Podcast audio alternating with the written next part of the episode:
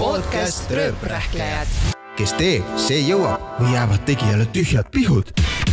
stuudios on saatejuhid Rauno Ruus ja Jan-Joonas Tuuna. tere, head kuulajad ja suur rõõm, et olete taas Rööprähklejate podcasti enda jaoks leidnud. täna on mul külas Eesti üks andekamaid, ilusamaid ja kuulsamaid naisartiste. tere, Laura Põldvere! tšau, tšau, nii armas sissejuhatus muutusin kohe selliseks seitsmeaastaseks nende pipipatsidega niimoodi. ega, ega palju pipist sul puudu ei jää, sa oled, oled alati ju särav, nii et seda ka täna. Aitäh sulle, kusjuures väga huvitav on see, et see Pipi karakter on just ähm, kuidagi minu erinevate kooliteemadega seotud olnud viimased aasta aega. et kui me oleme arutanud ka mingisuguseid hetki, kus peab lavale astuma ja võib-olla muusikat kirjutama ja kui on siis sellised sabotöörid tulnud seest, seest välja, kes tahavad seda kreatiivsust maha tõmmata, ehk siis ise, ise tahad ennast maha tõmmata, siis kuidagi, siis see Pipi karakter on, ongi tekkinud mulle silmade ette, et see Pipi peab alati minus elus olema no Pipi eh, on Rootsist pärit, Rootsi on eh, suur Eurovisiooni võidumaa ja Eesti Laulul oled sa taas, nii et palju õnne. super, aitäh sulle. ja Eurovisioonis puudub vaid üks samm. jah, põhimõtteliselt küll jah. ei, mul on tõesti väga-väga hea meel, et ähm, Johannes Lõhmusega võtsime selle tee jällegi ette ja ma ütlen, et ähm, mul oli suur plaan, oli ähm, augustist alates siis temaga koos rahulikult istuda maha, kirjutada viis kuni kümme erinevat lugu, analüüsida neid ja siis parim nendest Eesti Laulule saata aga mis juhtus, oli see, et leidsime siis minu suures toas lugu kirjutamas alles äh, septembri lõpus, kus vist oli äkki kaks nädalat äh, siis tähtajani jäänud ja mm, ma mõtlesin, okei okay,, proovime ikka, mis, mis sa siis ikka. Johannes võttis äh, elektriklaveri, ühendas selle kõlaritesse, mängis kolm esimest akordi, mõtlesin, et jah, see läheb, yes, let's do it.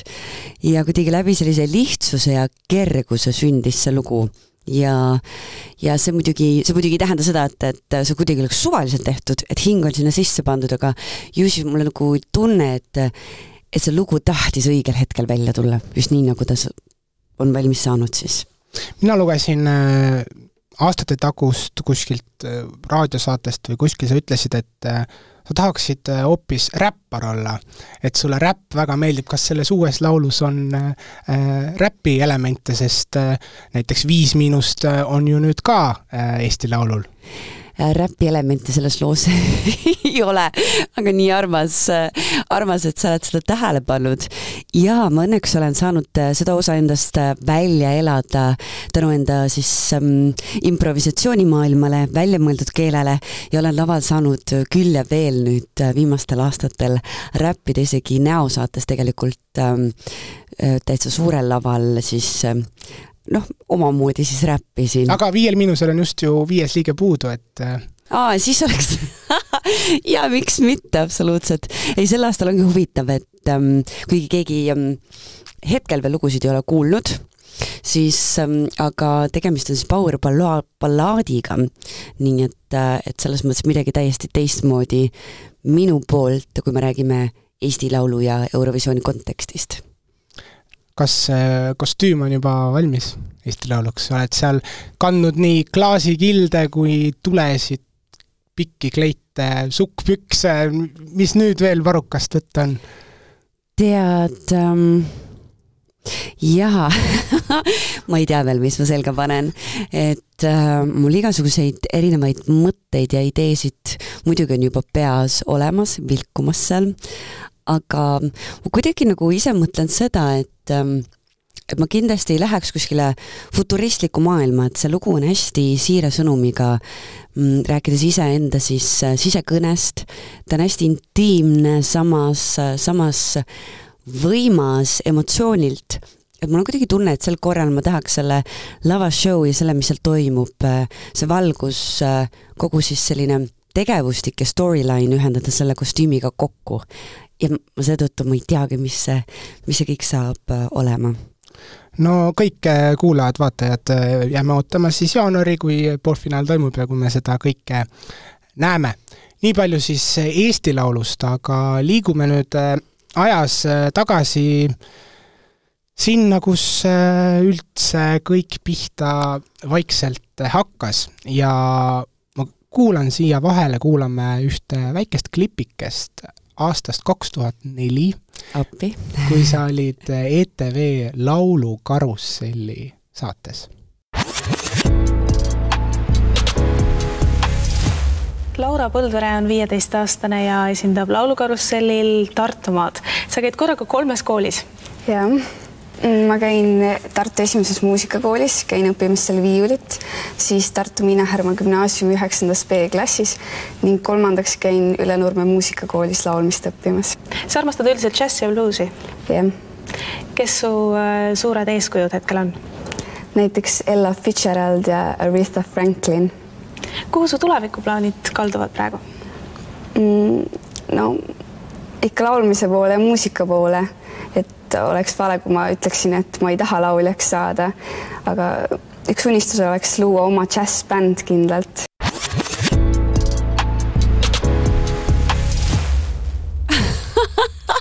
Sa ütlesid peast kinni, kui seda kuulsid. nii armas on, lihtsalt täitsa nagu huvitav on kuulata ennast, et äh, tunned iseenda ära, nii armas pisikese tüdruku häälekene ja. Mm, said kuusteist vist seal kaks tuhat neli, noh kuskil. viisteist, kuusteist, viisteist, vist ütles isegi viisteist äkki või? ja mm, Elektra oli see, kes tegi, eks ole mm -hmm., intervjuu. mulle nii meeldis temaga intervjuud teha, et ma tundsin ennast, ma mäletan üleüldse telemajas, ma tundsin ennast kuidagi hästi koduselt. et kõik, kes seal olid, võtsid hästi soojalt vastu ja, ja tol hetkel oli ju Eve Viilups asja juhtimas, kes oli tõesti selline tõeline armas, armastav ema seal kõikide laululastega aga nii vahva on see, et ähm, ma mäletan ka ühte intervjuud, mis oli Ove Petersoniga, kui me käisime mm, Kiievis Eurovisioonil ja oli raadiointervjuu ja siis minu arust mõtlesin, et tegelikult mulle on alati väga palju meeldinud jutustada ja väiksest peale ka onu, ähm, siis minu armas onu Jüri, kes alles eelmine nädal siit ilmast lahkus, tema oli siis üks esimesi, kes mind filmis ja intervjueeris oma esimese, esimese sellise ägeda kaameraga. Ja mäletan, ma ilgelt vatrasin seal, aga selles intervjuus on jah, ei ja Ove Petersoni intervjuus, mis oli seal Eurovisiooni ajal, oli ka nii armas, et Ove niimoodi üritas kangutada mingeid vastuseid välja. ei, siis mulle endale tundus, et ma ütlesin juba piisavalt palju, liiga palju, et ei tasu ju noh, selles mõttes voorus ei, ei tasu ka ju liiga palju rääkida. nii et. Äh, aga kui sa ikkagi sinna telemajja läksid ja sa olid alles viieteistaastane ja need on tõesti esimesed nii-öelda telekogemused, oli sul närv sees, sul jalg, jalg värises ja mõtlesid, et issand, kas see ikkagi on päriselt see, mis ma teha tahan ähm,? hästi huvitav on see, et ähm, just nimelt telemajas need esimesed käigud olid, muidugi närv on, oli sees, et selles mõttes ma ei olnud täiesti raud, raudrüüs seal, aga aga ma ei mäleta sellist tapvat hirmu, sellist üüratut hirmu, mis võib-olla oli teistel kontserditel ennem nagu telemaja live-kontserditel live live ja nagu enne telemaja kogemust üleüldse. et siis, kui see telemaja kogemus tuli, mul oli just kuidagi hästi hea tunne, mul oli tunne, et ma olen õiges kohas. olid õiges kohas äh, selles lühikeses intervjuus äh, sa ütlesid, et äh, džäss ja bluus on nagu sinu ja, ja. tulevik ja tõesti, džässi valdkonnas sa oled ennast arendanud ja džässiliidu esinaine oled sa olnud aga samas ikkagi no suurem üldsus ütleb sinu kohta ikkagi popartist, et äh, miks siis ikkagi popmuusika, et kas džässil ei ole turgu Eestis lihtsalt, et sul ei jaguks nagu neid kontserte anda? Ma arvan, et miks üldsus nimetab poplauljaks, on see, et äh, lihtsalt neid inimesi on rohkem, kes popmuusikat kuulavad. et tegelikult, kui me mõtleme plaatide osakaalu mõttes, ma olen vist kümme tükki välja andnud, siis suhteliselt pooled on popi ja äh,, sorry äh,, siis džässi ja improsugemetega, pooled on popi omad. et tegelikult äh, olen justkui nagu mõlemat teinud, aga miks ma ise miks mulle endale meeldib nendes mõlemas maailmas käia, on see, et äh, popmuusika äh, muusikaline rütm on hoopis teistmoodi, pluss siis see visuaalia, mis sellega kaasa tuleb, kui me räägime siis Eesti Laulust või suurtest produktsioonidest, see on mingisugune selline maagiline maailm, mis ma enda seest oma mõtetes saan siis lavale panna. ja inimene, kes on seal teisel pool, ta siis saab seda näha, kogeda ja kuidagi sealt äh, saada inspireeritud. et džässmuusika jällegi rohkem on selline sisekaamuslik minu jaoks, et sa oled, sa võid äh, kuulajana tulla, panna silmad kinni ja sa rändad sisemaailma, popp on siis see, mis kuidagi on seotud selle välise ja, ja silmade mingisuguse paitusega sealt laulukarussellist tuli veel kaks takti ette, mille sa võitsid ja, ja sealt juba tulid, jõudsid sa siis muusikaprodutsendi Sven Lõhmuse käe alla, kus siis kõik need kõige suuremad hitid, ma arvan, sinu kõige suuremad hitid tulid, tulid just sellest eelmise, nullindate teisest poolest, ehk siis sealt Muusa ja Sunflowers ja viis kaheksa üks C ja ja Sven tegi sinust minu meelest just selle artisti noh, täiskomplekti, ta mõtles nagu kõik läbi. kui süsteemne see oli, et kas seal alguses Sven palus sul kirjutada, ma ei tea, paberilehele oma tugevused, nõrkused ja siis ta nagu pani mingi komplekti kokku kuidagi? ei, seda küll ei juhtunud et tegelikult ähm, mina nagu näen seda sedamoodi, et, et see koostöö tänu ähm, meil kuidagi kulges sümbioosina, sest tegelikult kõik visuaalid ja sellised lavashow'd olen ikkagi, on see input minu poolt tulnud ja Sveni poolt on see muusikaline pool tulnud. Ja siis see kuidagi sai selliseks ühtseks äh, tervikuks kokku, et selles mõttes oli, oli Sveniga see koostööperiood hästi, hästi mõnusalt vinge ja vaba, et, äh, et tol ajal ei olnud sellist asja, et me võtame artisti või võtame laulja ja teeme temast artisti. et siin on meil need punktid, tuleb tutut-tutut-tutut -hmm. need ära teha ja nüüd, nüüd ta on siis artist, kes müüb. et absoluutselt mitte, et see pigem oli ikkagi selline mitte kompamine, aga koos teekonnale minemine.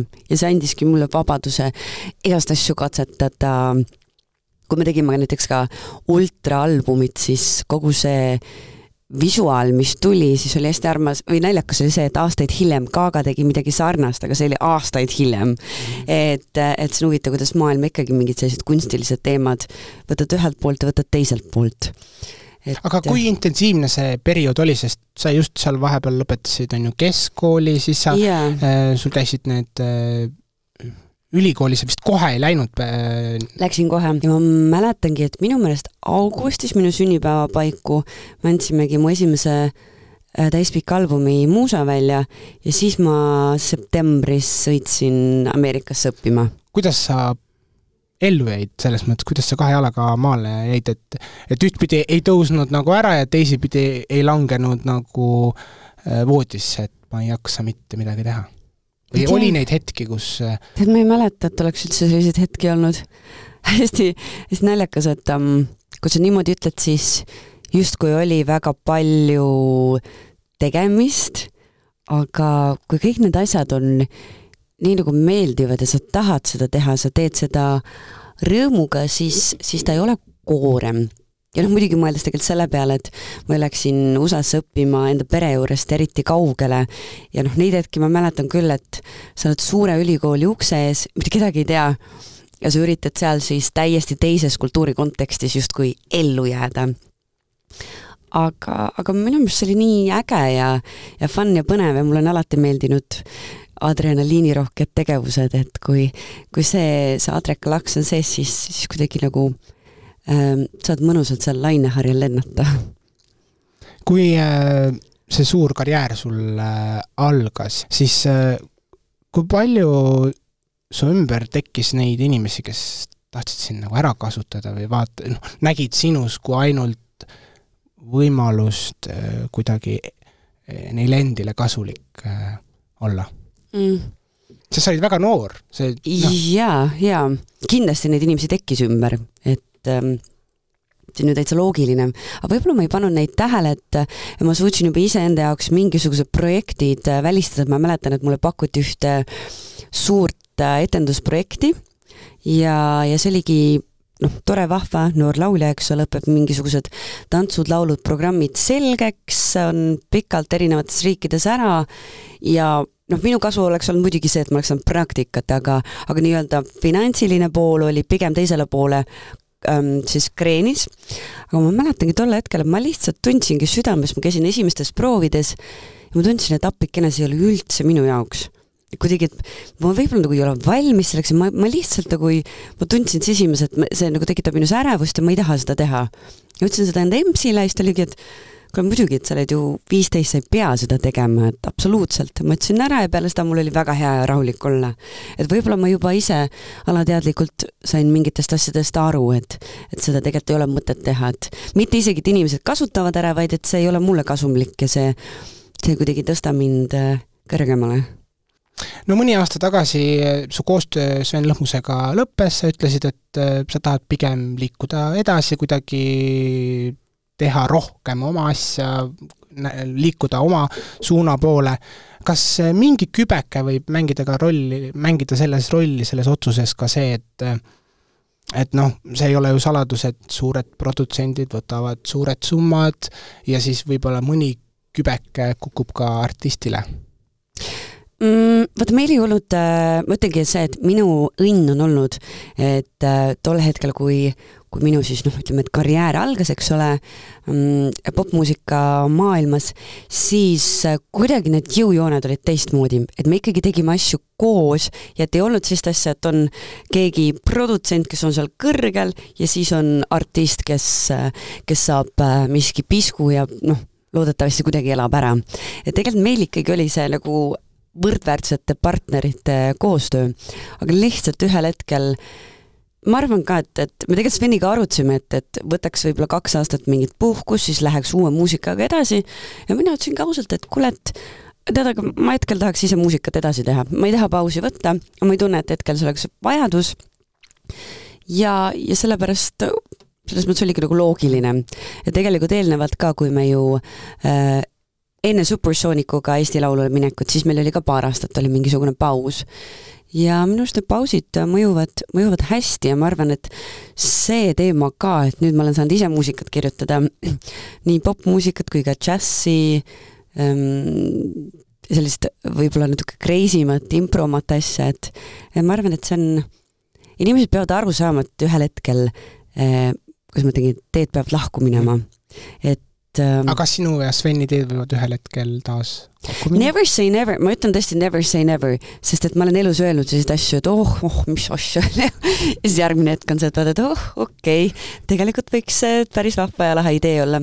et tõesti never say never, et praegu, noh, praegu ongi vahva, et et üks lõhmus on asetunud teise lõhmusega, kes küll omavahel suguluses üldse ei ole ja Eesti Laulul on ju ka Sven Lõhmus kirjutanud ühe loo Anett et äh, Vaikmaale, just täpselt, absoluutselt täpselt, et selles mõttes, et me oleme ikkagi ühel Eesti on väike. Eesti on väike, ühel tandril oleme koos, et väga, väga armsalt ja lahedalt, et mina Johannesega, meie looga ja, ja Sven siis enda looga koos Anetiga, et et selles mõttes on ikkagi nagu rõõm ja selline, noh kindlasti on ka konkurents, aga jällegi, kui näeme teineteist, tögame, noh, Sven muidugi tögab mind kogu aeg. Mis ta sulle ütleb? ah, igasuguseid asju mäletan, kui me oleme mingeid stuudiosalvestusi olnud, siis tal on ikka, et kuule, et ähm, mis ta, mine laulja.ee-sse ja otsi, otsi keegi teine, kes üldse laulda oskab, ühesõnaga siin alati käib tögamine, käib selline, et äh, räägime korra sellest, äh, nendest õpingutest ka seal Ameerikas ja Saksamaal ja veel Eestis ja, ja teistes riikides rääkides, et äh, mis sa sellest äh, välismaa õpingutest kõige rohkem kaasa võtsid, õppisid mm.? no kuna ma läksin USA-sse ähm, üsnagi varases äh, eas, siis kindlasti ähm, see pani mind kiiresti siis mitte ma ei taha seda öelda, et ma, ma nagu alati tahaks selle mingisuguse väikse pipilikkuse ja lapselikkuse endas säilitada, aga ta ikkagi pani mind kiiresti suureks kasvama selles mõttes, et ma pidin vastutama ikkagi enda tegude eest. et mul ei olnud võimalik seal, seal mingit käkki kokku keerates oma oma pere siis ähm, külje alla pugeda, vaid ma pidin ikkagi iseenda sees seisma, seisma ja, ja hakkama saama et see on kindlasti see, ma arvan, mis, mis ma seal kohe, kohe sellisesse külma vette sai äh, sisse, sisse hüpatud. aga kas sa seda nägid, kuidas Ameerikas äh, läbi lüüa ja kas see hirmutas sind? Äh, tead, Ameerikas läbilöömisega oli see temaatika, et mina, ma tulin hästi konkreetselt, tulin ühel hetkel Eestisse tagasi, mul tegelikult oli täisstipendium õpinguteks olemas, aga Berkeley kolledži puhul oli see, et ta oli minu mingisugune mm, varateismeline unistus sinna minna õppima ja tegelikult see kohapealne kogemus, ta oli ikkagi selline suur vabrik, kus kus, kus minu jaoks ei olnud seda, mida ma lõpuks sain Eestist ja Saksamaalt ja Soomest, et sellise meistri ja vasalli suhet. et ikkagi, kui sul on häälekoolitaja, sinu õpetaja, ta peab olema teadlik sinu esinemistest, sinu arengust mm,, ähm, jaa, ta peab sind suunama ja, ja leidma sulle põnevaid var-, variante siis, mida katsetada. et USA puhul oli ikkagi see, et äh, sul on nädalas kakskümmend minutit äh, vokaaltunni aeg, sa seisad seal ukse taga, nii ja pff, uks läheb lahti, lähed sisse, annad noodid nii, laulad ära, lähed ruttu välja. ehk siis ta oli väga-vägagi masstootmine jaa, just. et muidugi absoluutselt, et seal oli väga ägedaid õpetajaid, kes mind, kes mulle väga palju andsid pagasit kaasa, aga see oli põhjus, miks Mm, mis, miks see mind nagu väga ei köitnud ja teine asi oli ka see, et minu üks parimaid sõpru suri tol perioodil ära ja ma otsustasingi, et ma tulen ikkagi Eestisse ja et ma tahan perega sel hetkel koos olla ja et ma ei taha olla teisel pool maailma püüdlemas oma mingisuguse mingi unistuse poole, kui tegelikult on, on mul oma inimesed, keda ma armastan maailmas kõige rohkem ja ma tahaks nendega seda aega veeta. et see oli kuidagi minu jah, selline otsus tol hetkel ja mida ma üldse ei, ei kahetse kas sul meenub tollest hetkest mõni konkreetne lugu, mis seal koolis tegema pidi või mis sul ebaõnnestus, et unustasid sa äh, kuhugi minna või laulsid täiesti vale laulu ette või äh, äh, tead, seal oli vastupidi just, et ma ei, ma ei ütle selles mõttes, et ma oleks mingisugune number üks õpilane. Mm,, kuigi mulle meeldib õppida, et selles mõttes nohikuks võib mind pidada. aga et, et lihtsalt vaata, kuna mina läksin Eestist Ameerikasse, siis äh, mul oli ikkagi kuidagi selline tunne, et kui ma olen nii kaugele tulnud, siis ma ikkagi üldiselt enamus tundidesse üritan kohale jõuda. nii et pigem oli see nagu naljakas, et mõnikord mingit teisipäeva ja või neljapäeva või reede hommikut kell pool üheksa, siis ma olin ainukene õpilane, kes tunnis oli sest et teistel oli noh, õhtul mingi pidu, mis läks pikale ja, ja siis noh, mis ikka noh, ei hakka ju tulema, aga mina olin kohal. see oli väga hea, ma sain väga palju eratunde liigume siit äh, sinna valdkonda, mis sinuga ikka ümbritseb ja see on sinu välimus. üks asi on see muidugi, mis sa laulad, millest su laulud räägivad, teine asi on see, et sind on äärmiselt põnev äh, laval äh, vaadata. kust see alguse sai, et sa otsustasid, et et vot mina võtangi enda eesmärgiks, et äh, publik teaks mind ka välimuse järgi. Hmm. Seal on üks hästi armas näide, kui ma olin vist äkki neliteist, viisteist. Ja Ülenurmes, kus ma käisin siis Uurise Loja juures laulmas, meil oli mingisugune, ütleme, et kevadkontsert tulemas. Ja teised äh, tšikid, poisid äh, olid siis plaaninud endale esinemisriideid, arutasime seda ja nemad ütlesid, tulevad teksades no ma siis mõtisklesin ka, siis läksin EMS juurde, ütlesin ma, ma nüüd lähen Texades esinema. siis ta vaatas mulle otsa, ütles kuule, teeme nüüd niimoodi. Nemad võivad minna Texades, kui nad tahavad, aga sina lähed lavale, publik näeb sind esimesena ja siis alles kuuleb. ehk siis austa enda publikut ka oma välimusega. ja siis kuidagi see mõte jäi minusse niimoodi ähm, mõnusalt värelema ja kasvama ja sealt äh, tekkiski see see nagu mõtteviis, et, et see väl-, välim, välimine pool on ka oluline, et muidugi sisu, aga see, et inimese, inimese kuidagi silmaga paitada, et talle visuaalselt ka juba sellist loo sisu võib-olla edasi anda.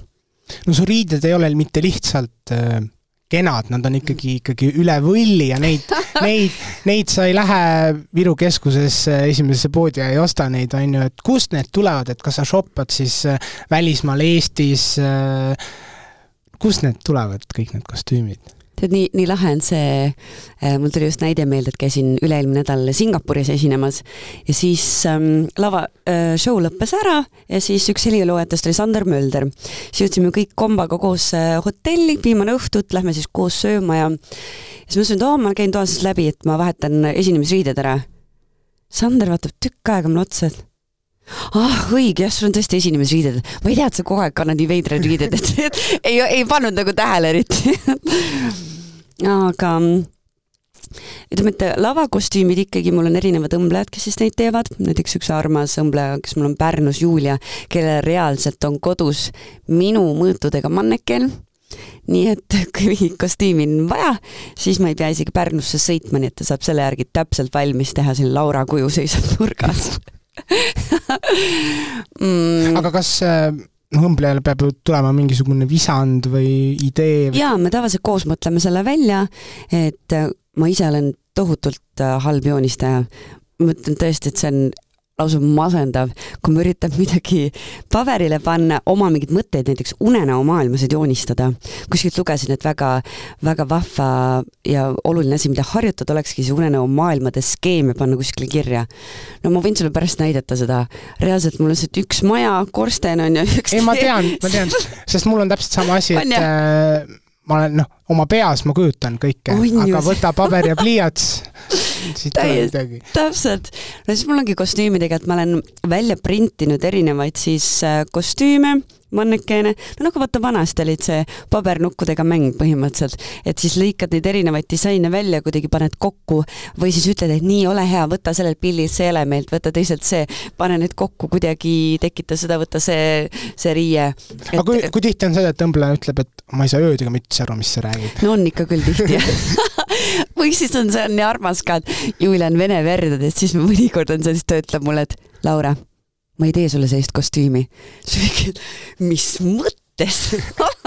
Ja siis mõnikord mina ütlen talle ka, et kuule, seda mm, mm, mm, see ei lähe mitte no kui sul on seal õmblejal sinu äh, mõõtudega manneken, see tähendab, et ka siis ju sa ise pead ju olema täpselt samades äh, mõõtmetes. jaa, peab küll olema ja ütleme nii, et seda on, jaa, õigesti ja ütleme mõtled. nii, et äh, ja aastate peale on neid kostüüme palju, et ei tahaks ju nii, et äh, et ühel hetkel ei saa enam neid kanda, on ju. absoluutselt. jaa, et äh, tuleb ikkagi hoida ennast siis, õnneks ma ütlen tõesti see, et, et ähm, mul on see trennipisik olemas ja, ja et on nagu õnnistatud sellega, et, et need need numbrid nagu ei muutu nii, nii drastiliselt, et eh, varasemad kleidid mahuvad ka veel ikka selga. mitu korda sa muidu ühte mingit kostüümi kannad? Või on sul niimoodi, et on ikkagi üks kostüüm, üks kord, noh, üks nagu mingisugune tähendus äh, sellel asjal ja mingitel kostüümidel on küll äh, sellised suur, äh, ütleme, et suuremate produktsioonide esinemiste kostüümid, kus see ongi ühe lava jaoks loodud ja, ja kuidagi ähm, kuidagi jah, tal on mingisugune tähendus ja konnotatsioon juures, et kuidagi minna sellega kuskile mujale lavale, ta nagu ei ole sobilik ja ja aga mõnikord olen muidugi teinud ka seda, et ma taaskasutan mingisuguseid kostüüme, et äh, ühe lava jaoks on see ühtemoodi, siis järgmise lava jaoks võib-olla teen mingi suure slepi juurde või mis iganes. näiteks äh, päris pull oli, käisin just ähm, ühel esinemisel, kus ma tahtsin võtta äh, Eesti Laulu Waterfalli kostüümi kaasa või võtsin kaasa selle, tahtsin selga panna. ma unustasin ära selle, et, et laval oli just see, et ma olin suure selle veerenni all. ehk siis ta oli nahast kostüüm ja ta sai veega märjaks, aga siis ta tõmbas poolenisti kokku. Ma ütlesin, et jumal tänatud, ma teise kostüümi kaasa võtsin. Oota, mis see siis, mis see siis äh... ta lihtsalt oli, selles mõttes ta oli mul laivis laval seljas olnud ja ta oli mingisugusest nahast tehtud, mis oli see, et mina unustasin ära, et ma võtsin selle peale esinemas seljast, ma panin rippuma, kuivas ära, aga ta kuivas poole väiksemaks, noh. ja siis õnneks ma sellele esinemisele võtsin mingi teise kostüümi ka ikkagi kaasa. nii et selle saab ikkagi tüdrukule see oli küll tõesti selles mõttes, et see on nagu mini-me mis on markats-, markart-, markantsemad näited, äh, mis sul kostüümidega on juhtunud, on sul esinemise ajal mingi asi rebenenud või on veiniklaas täpselt läinud sinna kleidile hetk enne lavale minekut mm.? jaa, veiniklaas ei ole läinud, aga seda on ikka juhtunud, et keegi teenindavast personalist astub kleidi peale enne, mis siis see puruneb. seepärast mul ongi alati hästi mitu kleidi varianti ja kostüümi varianti kaasas, et kui midagi juhtub oota, aga kui ma, kui keegi näiteks kutsub sind esinema, mitme kohvriga sa tuled siis? mm,? ma tavaliselt tulen ühe suure kohvriga, siis mul on käekott, siis mul on veel tehnikakott ja siis mul on veel äh, mingite selliste pikkade kleitide kott. et see on jah, pärast tassimine alati. aga võib-olla nagu, mis nagu markantsemad näited on see, et äh, kostüümide vahetused, et näiteks kui meil oli ähm, Suntribe'i ja Moonwalki siis äh, Eesti Laulu Eurovisiooni aasta, siis oli nii vahvalt pandud, et ma ju laulsin kahes loos, need kaks lugu olid kõrvuti pandud. Ehk siis üks lugu lõppes, ma astusin lava kõrvale, panin käed laiali ja siis inimesed hakkasid ühtesid riideid mult ära võtma, teisi selga panema, mingid mikrofoni asjade, jalanõude vahetused. et see oli need on päris pullid kogemused, ehk siis sel hetkel mina närvi ei tohi minna, sest kui ma hakkan seal vehkima, siis teised ei saa enda tööd teha. ja ma mäletan ka Sportlandi suurel galal on olnud see, et alguses tulen laelt sellise suure spiraaliga alla, mingi lendlev kleit, rakmed küljes, ruttu võetakse rakmed ära, tõmmatakse mind lava taha, nii, kostüüm seljast ära ja järgmine selga ja lõpuks on tõstetud ja siis lendate sekundi pealt lavale õigel hetkel. see on selline. Artisti selline mäng. jah, täpselt. kas on mingid äh, riideesemed, detailid, mida sa ei kanna või lõiked, värvid, mida sa ei pane selga, sest äh, äh, tundub, et sa noh, ükskõik, mis sulle antakse, sa nagunii kannad välja mm,. ei kanna üldse mitte. täiesti nii huvitav, et äh, kui aeg-ajalt äh, mingisugused EMS-i garderoobist ma asju leian endale ja, ja talle väga meeldib mulle oma meile meeldib omavahel mingeid riideesemeid vahetada, et meil nagu väga hästi toimib see. ja see on nii armas, kuidas ta, kui nüüd ka Eesti Laulu teema tuli, nii, ma juba leidsin sulle need mõtted ja need mõtted ja need nii armsalt juba saatis mulle igasuguseid pilte ja ideesid. aga nii lahe ongi see, et tal on mingi oma stiil ja oma karisma ja mida ma nagu väga hindan ja, ja ta on tõesti nagu noh, mulle on öeldud kompliment, et loodetavasti sa oled ka kunagi nii ilus, nagu su ema on et ta on tõesti minu meelest ka väga-väga kena naine, et aga tal on totaalselt teine stiil ja, ja mulle ei sobi need üldse mis ta, mis ta stiil on siis, klassika kuidagi? tal on pigem klassikalisem, samas jällegi mingisugused päris nagu lahedad, põnevad lõiked kostüümidel, värvid on pigem hallikad, pruunikad ja minu seljas on täiesti selline, et paned selga, et ma olen selline noh, udukott et üld, üldse ei sobi. et, et naljakas ongi see, et võib-olla siis mul ongi see, et ongi vaja mingit värvi ja mingit hoopis või näiteks, ähm, mis need ongi siis, kas see on siis ülepõlve seelikud? selline mitte mini ja mitte superpikk, aga selline poolpikk uh,, üldse ei sobi võib-olla see on muidugi minu enda peas, ma ei tea kas kogu see kostüümidraama, kui niimoodi võib seda nimetada, kas see tasub kõik Eestis ära, et okei okay,, Eesti Laulul me saame kõik aru, seal on mm -hmm. üle saja tuhande vaataja, kõik promo, kõik, aga noh, väiksemad esinemised ja noh, kut-, kutsed, et et see on ju tegelikult kallis, ma arvan, see kogu see riietele nii su-, suurt rõhku panemine. eks ta ikka selles mõttes ole ju investeering, aga nagu ma ütlengi, et ma tihtipeale ikkagi selliseid ähm, kuidas ma ütlen, igapäevasemate esinemiste kleite, kostüüme üritan taaskasutada, uuskasutada ja, ja see on ikkagi nii põnev, ma, ma kuidagi ilma selleta äh, ei näeks seda ette, et see on, kuidagi mulle tundub, see oleks nagu raamat ilma illustratsioonide või raamatu kaaneta. et lihtsalt oleksid lehed. ja kuidagi ta on selline kogu selle asja siis pakendisse, ilusasse pakendisse vormimine, see kingitus ilma siis selle kinkepakendita, kuidagi, et kuidagi nagu käib käsikäes, et minu jaoks ta on selline, siis ta on nagu selline terviklik. kus su kostüümide need hinnad nagu paiknevad, mis kõige nagu hinnalisem äh, kleit või kostüüm on? Mm, ma arvan, et äkki kõige, kõige hinnalisem võiski olla, mis on seotud ikkagi siis äh, Eurovisiooniga või siis Soome, Soome Eurovisiooniga. et ma arvan, et need äh, Soome siis televisiooni poolt ja nende õmblejate poolt tehtud kleidid on kõige, kõige hinnalisemad olnud, ma arvan, ma isegi ma ei oska isegi öelda, sest ma tean, et need mingid materjalid olid super-super erilised ja ma olen väga tänulik, et lõpuks Soome Televisioon kinkis need äh, kostüümid mulle. üks jäi küll neil, neile tegelikult.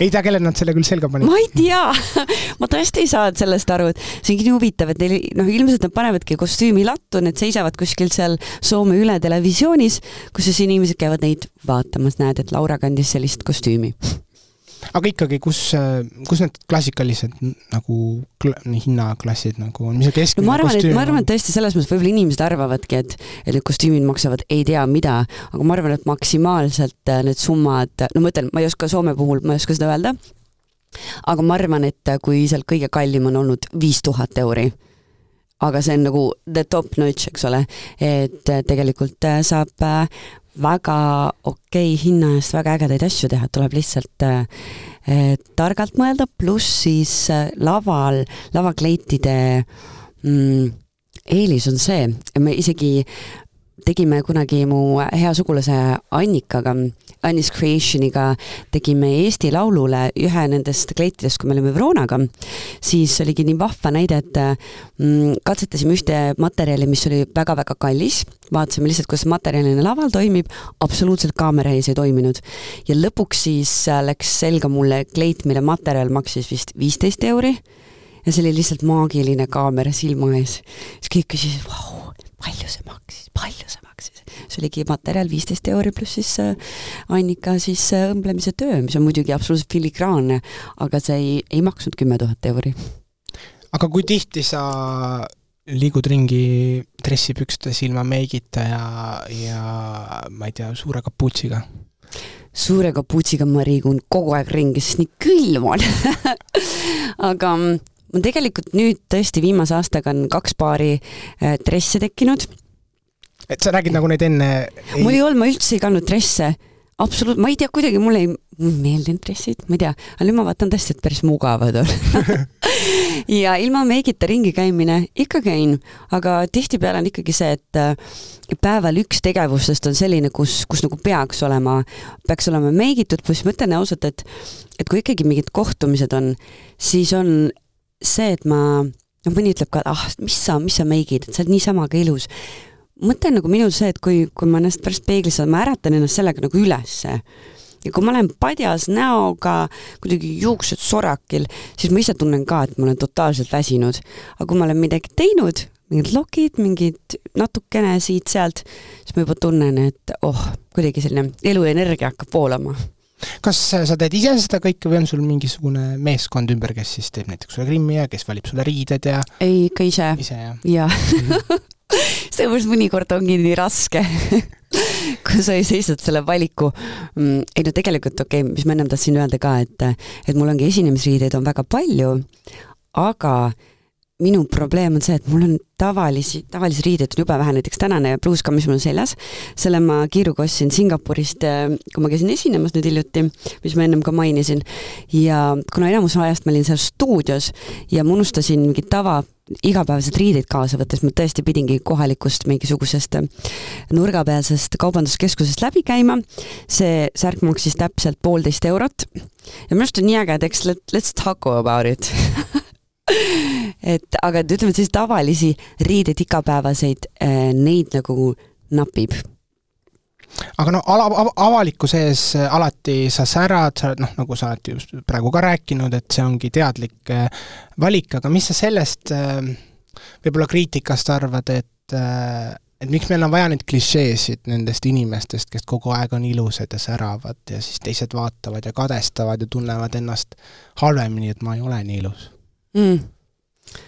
Mina tundun endale ka mitte ilus.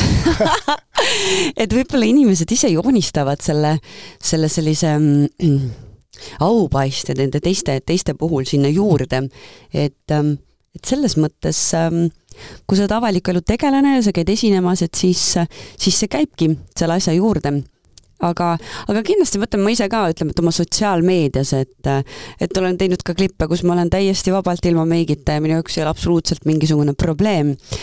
ja, ja võib-olla siis, mis on nagu see, et et justkui näidata oma seda äh, inimlikku poolt, on ju, ja kõike, kõike seda muud, et võib-olla inimestel on see, see tunne võib-olla see, et oh, tahaks rohkem, aga ma arvan, et ikka on ju, igaüks tahab jätta et sa ei saa kõike laiali paisata, kui sa kõik killud ennast äh, lai-, laiali annad, siis äh, ühel hetkel on ennast nagu raske kokku panna. et eks, eks ikka on seal võib-olla see karakter Laura ja, ja siis see Laura, kes on kodus istub diivani peal, peal ja tahtsin öelda, sööb krõpsu, aga mõtlesin, ma ei söö ju krõpsu mida iganes, ühesõnaga naudid kohvi ja kirjutad muusikat, et, et seal on ikka need, need pooled no nagu sa just äh, ütlesid, et äh, sa ei, vahel ei meeldi endale ka, siis mm -hmm. äh, mi-, mis sulle enda puhul ei meeldi, sest taaskord äh, välja, väljapoole tundub, et no Laura Põldver on kindlasti endaga rahul. ei ole üldse mitte. mul on väiksest peale mm,, kui ma olin viisteist, siis ma käisin äkki see oligi Laulukarusselli jaoks mingisugust promopilti tegemas Tartus ühe, ühes fotostuudios ja ootan seal siis seda pildikest, siis ähm, härra fotograaf tuleb minu juurde, vaatab seda, no selline sa siis oledki. annab selle pildi mulle ja siis tõesti vaatasin, et noh, ma pärast sain aru, et ta oli valguse pannud nagu ühelt ja teiselt poolt ja siis mulle tundus, et mul selline suur kartulinina oli, õudselt suur nina. Ja siis tollest hetkest alates ma mõtlesingi, et nii, et nüüd, kui ma saan suureks ja mul on natukene finantsi, siis ma lasen nina väiksemaks küll lõigata ma siiamaani muidugi ei ole seda teinud, et ma ühel hetkel, ma arvan, et ma olin kuskil kahekümnendate lõpus, siis, siis ma nagu sain aru, et vau wow,, et tegelikult ei ole kole nina, tegelikult ma ei, ma ei ole kole, aga nii huvitav on see, et et ma olen küll enda selliste ebakindlustega elanud, et küll ei sobi see ja küll ma olen paks ja küll ma olen kole ja, ja see ei sobi ja paks ja kole sa ei ole. No vot näed, aga, aga ma arvan, et kõigil on mingil hetkel need ebakindluse teemad, et ähm, ma ei teagi, millest see siis noh, ongi täpselt, millest see siis tuleneb, on ju, kas see on ka mingi muu kuvand, mida ma olen näinud, ma arvan, et see on ka mingi ise, sisemine võitlus iseendaga. Ja tegelikult iseenda sees on need sabotöörid, kes ütlevad neid asju, et see ei peagi alati väljast tulema, vaid ise, iseendaga peab äh, kuidagi niimoodi siis rahu jalale saama. Äh, sa oled äh varem rääkinud, et sul oli kunagi probleem silmanägemisega, et äh, sa ühel hetkel ei näinud isegi publikut, kellele sa laulsid, et kuidas see nii kaugele arenes ja kas sellega on nüüd tänaseks kõik korras? jaa, sellega on tänaseks äh, kõik ilusasti korras, et olen äh, silmaoperatsiooni teinud ja see aitas äh, väga ilusasti.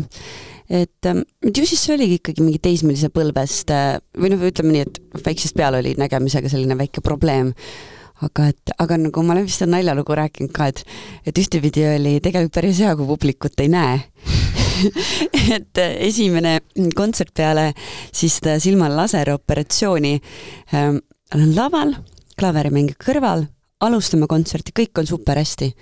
korraga ma näen viimases reas mingi tüüp on, kes nokib nina, kes siis seal sügab pead ja kes läheb saalist välja ma ehmatasin nii ära, mul läksid kõik sõnad meelest ära aga noh, kuna ma õnneks ärge nokkige nina, kui laulata.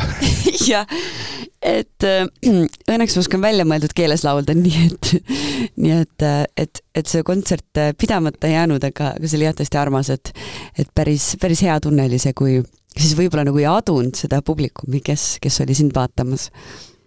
no üks tõsine haigus, mis äh, sul on ja mis, mis on vist ka ravimatu, on see neeruvaagna põletik, kus, kus sa pead võtma neid äh, antibiootikume mm -hmm. aeg-ajalt ja oled haiglasse ka sattunud, et äh, see tundub ikka päris jõhker haigus nii noorelt veel, et kui tihti see sind kimbutab?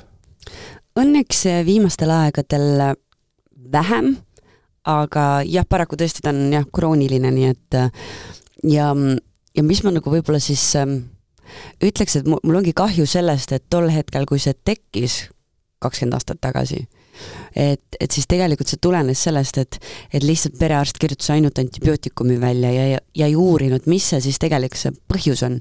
et ma tõesti väga loodan, et, et teised naisterahvad või meesterahvad, kes iganes, on ju, kellel sellised probleemid tekivad juba noorest east, et ma tõesti nii loodan, et, et ise, ise peab push ima ja ise peab uurima ja laskma nagu arstidel ikkagi ennast vaadelda, et ma olen kõrvalt ka väga palju näinud seda, et just noortele öeldakse, et ah, mis sul on ja kuule, et pole ju midagi ja küll küll läheb üle ja et, et sul oleks saanud ennetada või midagi? ma ei tea, aga või, võib-olla tõesti. et selles mõttes, et, äh, et antibiootikumid ei ole ju, ei ole ju lahendus probleemile, et ta muidugi leevendab, et ma ütlen, et ilma nendeta ma näiteks ei oleks ka ähm, Veronaga äh, Kiievi Eurovisioonil äh, laval hakkama saanud, et tol, nendel hetkedel mul olid tohutud suured valud ja noh, ilma antibiootikumideta ma, ma ei, noh, ma ei oleks sinna lavale jõudnud aga paraku on see, et et ühe vastu muutud resistentseks, teise vastu, kolmanda vastu, et et see ei ole ikkagi kõige mõistlikum asi, mida mida siis niimoodi pikemaajaliselt äh, tarvitada. aga ma ikkagi selles mõttes ikkagi ei ole äh, sellist lootust nurka visanud, et, et ikkagi toitun tervislikult ja liigun ja kindlasti viimastel aegadel üritan ka ikkagi sellist stress management'i teha et, et ma arvan, et sellest tuleb ka ikkagi, et tuleb lihtsalt aru saada, et ennem, enne kui see probleem tekib või noh, vaata meil kõigil on ilmselt see, et haigus tuleb, siis tähendab see, et sa oled juba liiga liiale sellega läinud.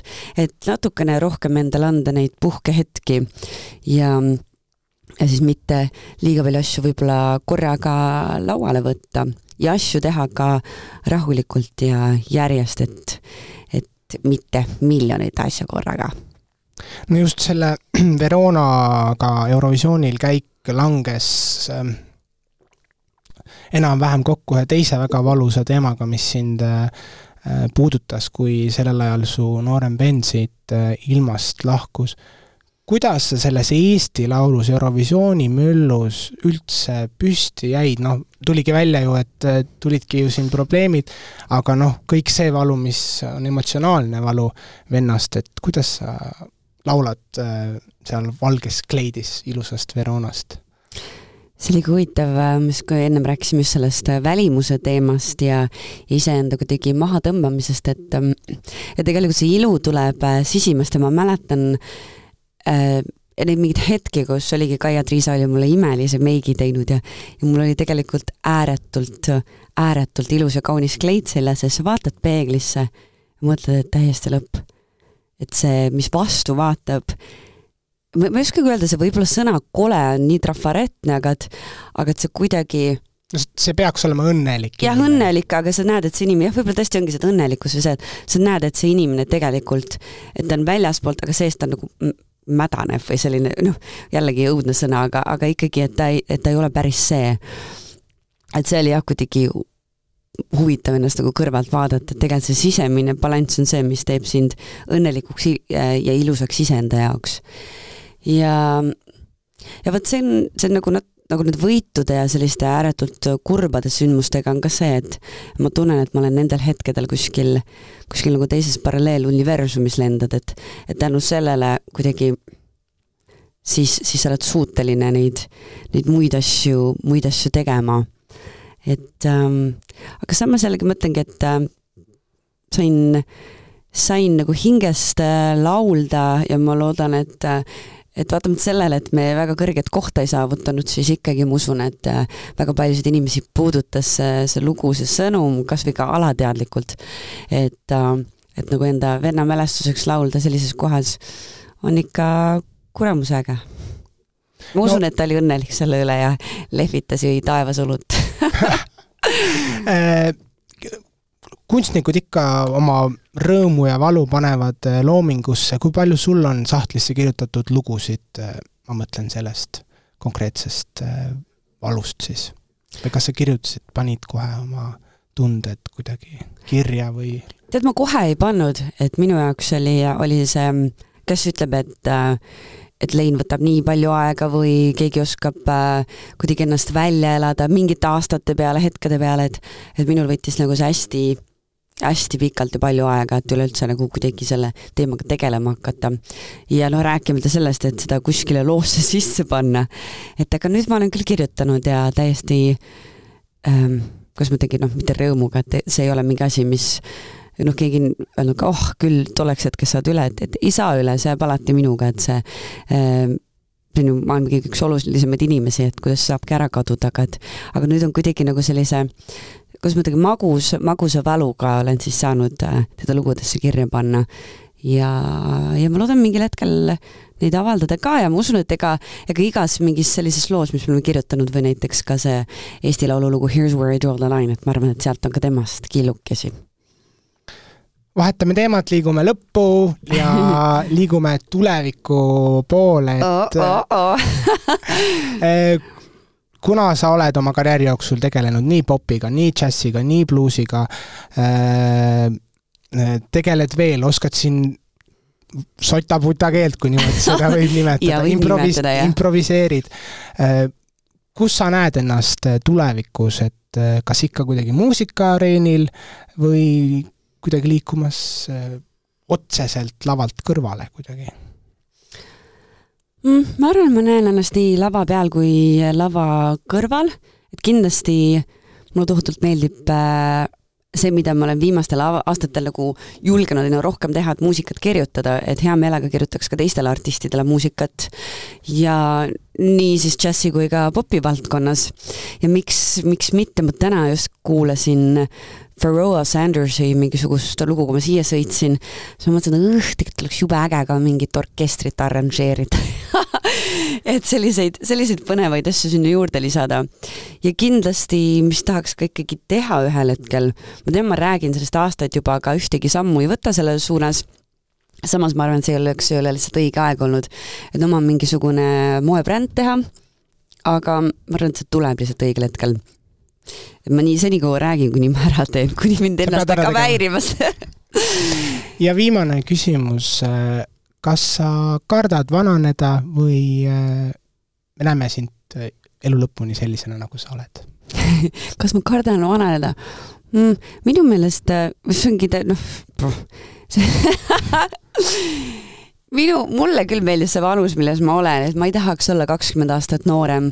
Äh, mulle meeldib see, et äh, ma isegi tahaks öelda see, et küpsemaks saan, et et, et mis tähendab küpsus, kas see on nagu parem kuidagi, kuidagi kui see, kui ma ennem olin, aga et aga et maailm näeb aina nagu, mida rohkem näed, koged, seda rohkem näed, kui palju siin veel peidus on.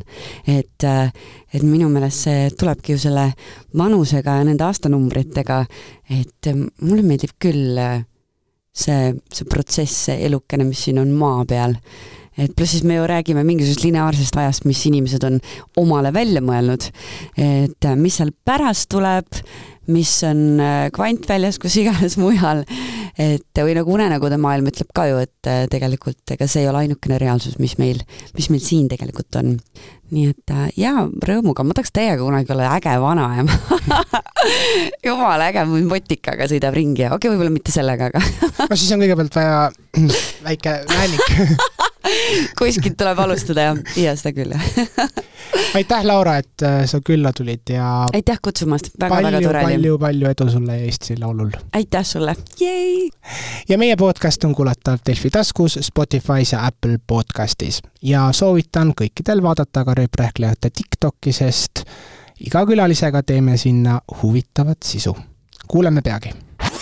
podcast Rööprähklejad. rööprähklejad